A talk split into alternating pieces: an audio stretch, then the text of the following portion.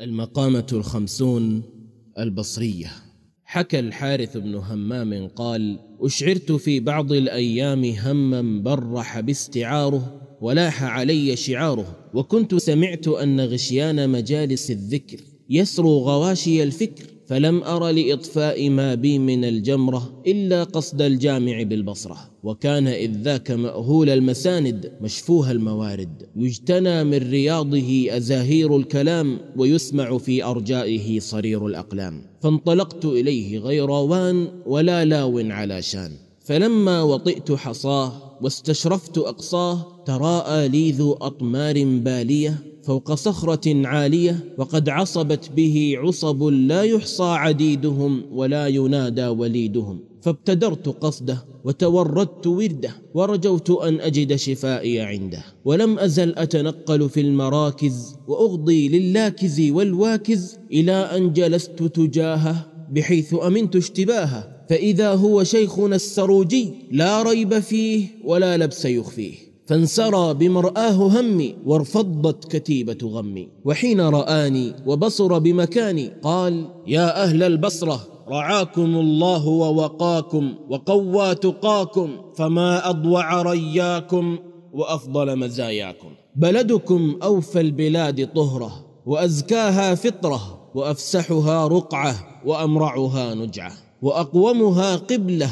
وأوسعها دجلة وأكثرها نهرا ونخلة وأحسنها تفصيلا وجملة. دهليز البلد الحرام وقبالة الباب والمقام وأحد جناحي الدنيا والمصر المؤسس على التقوى. لم يتدنس ببيوت النيران ولا طيف فيه بالأوثان ولا سجد على أديمه لغير الرحمن. ذو المشاهد المشهودة والمساجد المقصودة والمعالم المشهورة والمقابر المزورة والآثار المحمودة والخطط المحدودة. به تلتقي الفلك والركاب والحيتان والضباب والحادي والملاح والقانص والفلاح والناشب والرامح والسارح والسابح. وله آية المد الفائض والجزر الغائض. وأما أنتم فممن لا يختلف في خصائصهم اثنان ولا ينكر هذو شنآن. دهماؤكم أطوع رعية لسلطان وأشكرهم لإحسان. وزاهدكم أورع الخليقة وأحسنهم طريقة على الحقيقة. وعالمكم علامة كل زمان والحجة البالغة في كل أوان. ومنكم من استنبط علم النحو ووضعه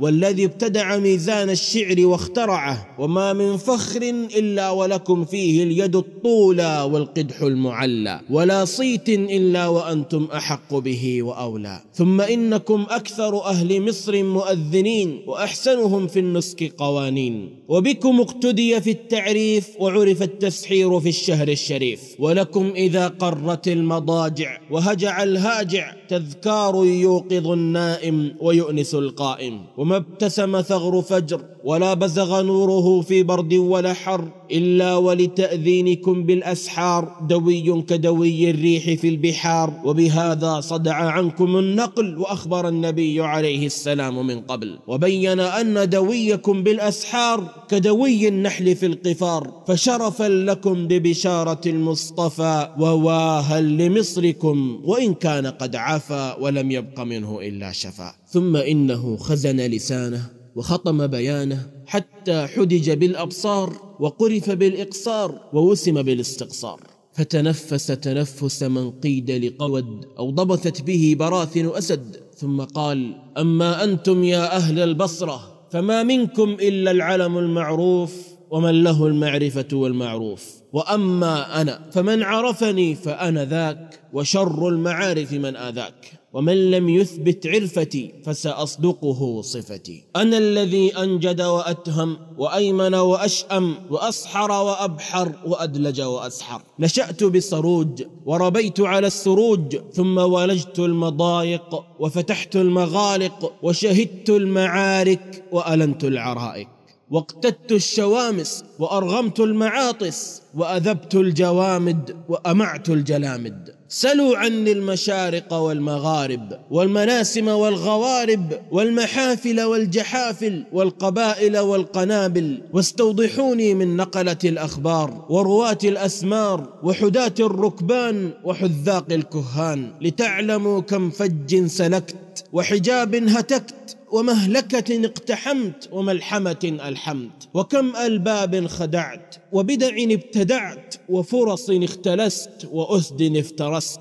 وكم محلق غادرته لقى وكامن استخرجته بالرقى وحجر شحذته حتى انصدع واستنبطت زلاله بالخدع. ولكن فرط ما فرط والغصن رطيب والفود غربيب وبرد الشباب قشيب. فأما الآن وقد استشن الأديم وتأود القويم واستنار الليل البهيم فليس إلا الندم إن نفع وترقيع الخرق الذي قد اتسع. وكنت رويت من الأخبار المسندة والآثار المعتمدة. أن لكم من الله تعالى في كل يوم نظرة وأن سلاح الناس كلهم الحديد وسلاحكم الأدعية والتوحيد. فقصدتكم أمضي الرواحل وأطوي المراحل حتى قمت هذا المقام لديكم ولا من لي عليكم.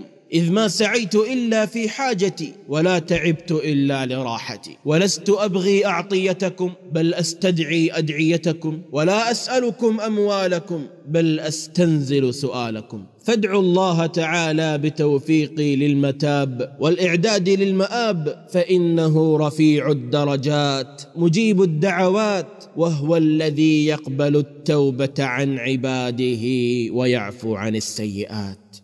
ثم أنشد أستغفر الله من ذنوب أفرطت فيهن واعتديت كم خضت بحر الضلال جهلا ورحت في الغي واغتديت. وكم أطعت الهوى اغترارا واختلت واغتلت وافتريت وكم خلعت العذار ركضا إلى المعاصي وما ونيت وكم تناهيت في التخطي إلى الخطايا وما انتهيت. فليتني كنت قبل هذا نسيا ولم أجن ما جنيت. فالموت للمجرمين خير من المساعي التي سعيت. يا رب عفوا فأنت أهل للعفو عني وإن عصيت.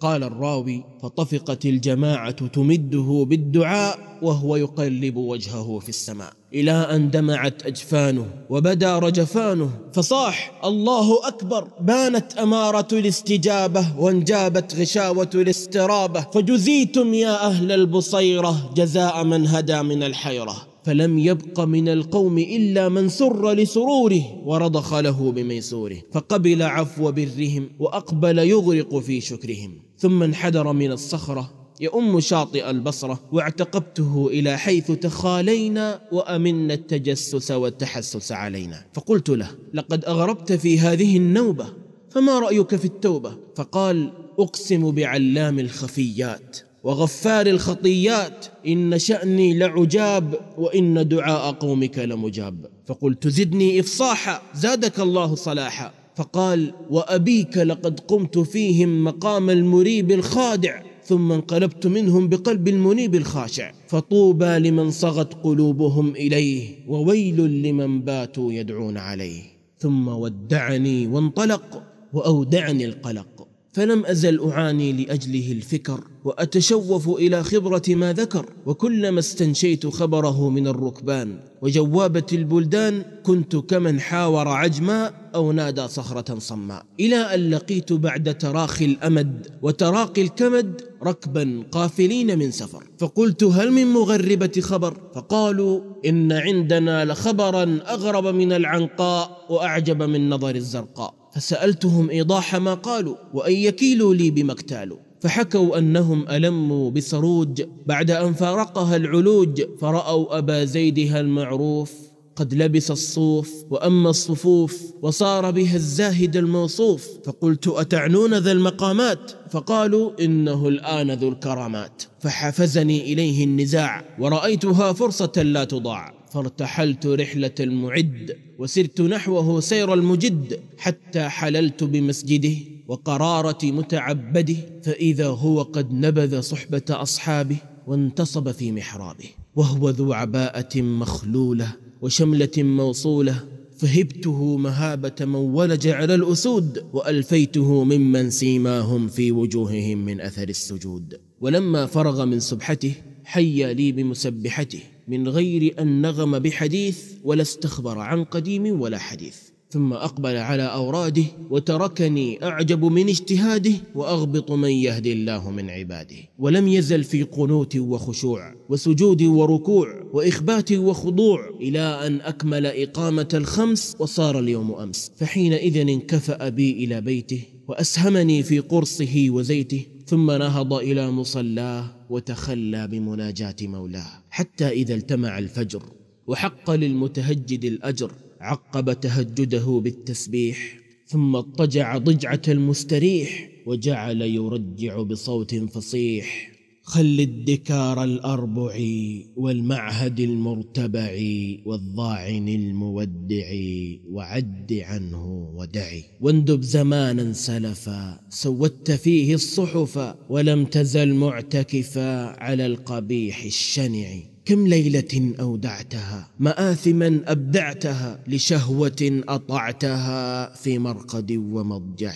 وكم خطا حثثتها في خزية أحدثتها وتوبة نكثتها لملعب ومرتع وكم تجرأت على رب السماوات العلى ولم تراقبه ولا صدقت فيما تدعي وكم غمصت بره وكم أمنت مكره وكم نبذت أمره نبذ الحذى المرقع وكم ركضت في اللعب وفهت عمدا بالكذب ولم تراع ما يجب من عهده المتبع.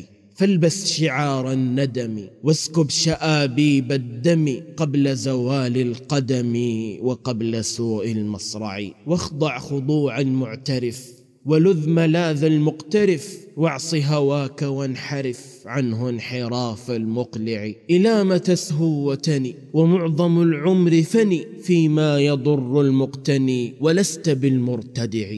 أما ترى الشيب وخط وخط في الرأس خطط ومن يلح وخط الشمط بفوده فقد نعي. ويحك يا نفس احرصي على ارتياد المخلص وطاوعي وأخلصي واستمعي النصح وعي واعتبري بمن مضى من القرون وانقضى واخشي مفاجاة القضاء وحاذري أن تخدعي. وانتهجي سبل الهدى وادكري واشكر ردى وأن مثواك غدا في قعر لحد بلقع آها له بيت البلا والمنزل القفر الخلا ومورد السفر الأولى واللاحق المتبع. بيت يرى من أودعه قد ضمه واستودعه بعد الفضاء والسعة قيد ثلاث أذرع. لا فرق أن يحله داهية أو أبله أو معسر أو مله ملك كملك تبع.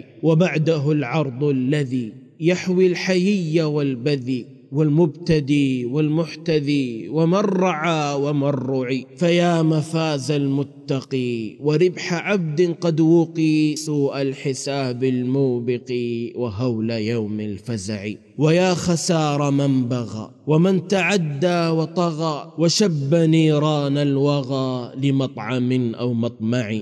يا من عليه المتكل قد زاد ما بي من وجل لما اجترحت من زلل في عمري المضيع. فاغفر لعبد مجترم وارحم بكاه المنسجم فأنت أولى من رحم وخير مدعو دعي.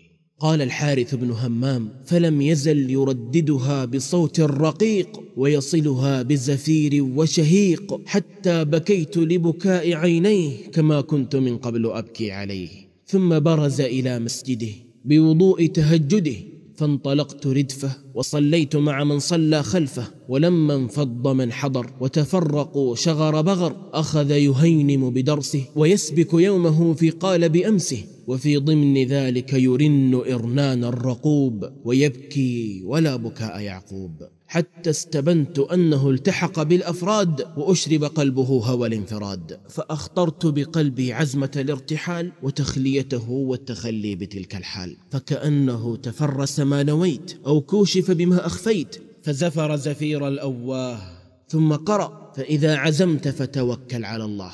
فأسجلت عند ذلك بصدق المحدثين وأيقنت أن في الأمة محدثين. ثم دنوت إليه كما يدنو المصافح وقلت أوصني أيها العبد الناصح. فقال اجعل الموت نصب عينك وهذا فراق بيني وبينك. فودعته وعبراتي يتحدرن من المآقي وزفراتي يتصعدن من التراقي وكانت هذه خاتمة التلاقي. قال الشيخ الرئيس أبو محمد القاسم بن علي برد الله مضجعه هذا آخر المقامات التي أنشأتها بالاغترار وأمليتها بلسان الاضطرار.